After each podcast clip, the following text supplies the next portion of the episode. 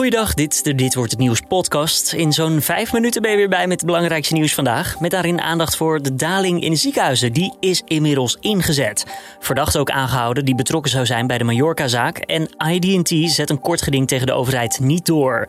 Mijn naam is Julian Dom. Het is vandaag woensdag 4 augustus. En dit is de Nu.nl Dit Wordt Het Nieuws middagpodcast.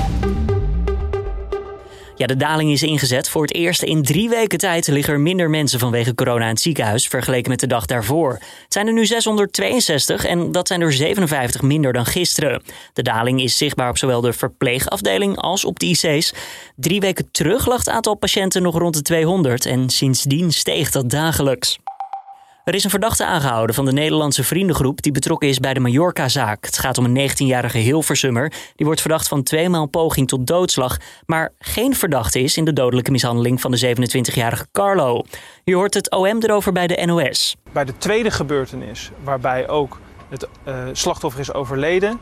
Uh, daarvan wordt hij ook uh, verdacht, maar dan niet van het schoppen van het overleden slachtoffer, maar van het schoppen van de vriend van het overleden slachtoffer. De verdachte moet vrijdag voorkomen. Festivalorganisator ID&T spande samen met een aantal andere organisaties het kort geding aan omdat ze duidelijkheid willen over de rest van het festivalseizoen. Dat gaat nu niet door, ze stoppen ermee omdat ze niet genoeg juridische grond ervoor hebben. Maandag werd duidelijk dat eendaagse festivals zonder overnachting met maximaal 750 personen kunnen plaatsvinden. Meerdaagse festivals met overnachting mogen in ieder geval tot en met 1 september niet.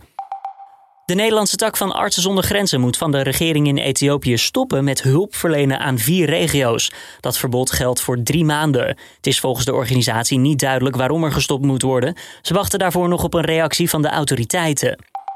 En dan even de Olympische Spelen. De Nederlandse handbalsters zijn namelijk uitgeschakeld op de Spelen. Ze verloren in de kwartfinales van Frankrijk. Je hoort hun ploeggenoot Estefana Polman bij de NOS. De eerste tien minuten zie je, zijn ze toch uh, van slag en overdonderd. Misschien wel zenuwen, misschien wel. Uh, ja, gewoon niet. Ze waren gewoon niet klaar van de start af. Eerder vanmiddag haalden we wel al een bronzen medaille. Dankzij springruiter Michael van der Vleuten. Je hoort hem geëmotioneerd bij het AD.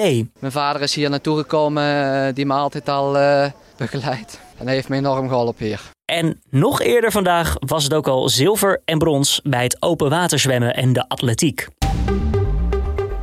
Dat weer van Weerplaza. Vanavond nemen de buien wat af en wordt het langzaam droog. Vannacht koelt het af naar 9 tot 15 graden. En in het zuiden wel wat kans op mist. Morgen start dan veelal droog, maar smiddags weer kans op regen en onweer helaas. Het wordt daarbij zo'n 21 tot 23 graden. Op het einde nog eventjes 60 hoeraatjes voor oud-president Obama. Die is namelijk vandaag jarig, 4 augustus. Hij wilde daarom dit weekend een groot feest geven met honderden gasten. Maar daar kwam veel kritiek op vanwege de angst voor verspreiding van de Delta-variant van het coronavirus. Het feest wordt daarom aangepast. De gastenlijst wordt ingekort. Geruchten gaan dat Oprah Winfrey, Steven Spielberg en George Clooney op de eerste lijst stonden. Of ze nu nog steeds mogen komen, is onduidelijk. En dit was hem dan weer, de Dit Wordt Het Nieuws podcast van deze woensdag 4 augustus. Tips of feedback zijn altijd welkom. Via podcast.nu.nl kan je laten weten wat je ervan vindt. Mijn naam is Julian Dom en ik wens je voor nu een fijne avond. Morgenochtend collega Corné van der Brink om 6 uur ochtends is hier te vinden op de voorpagina van nu.nl.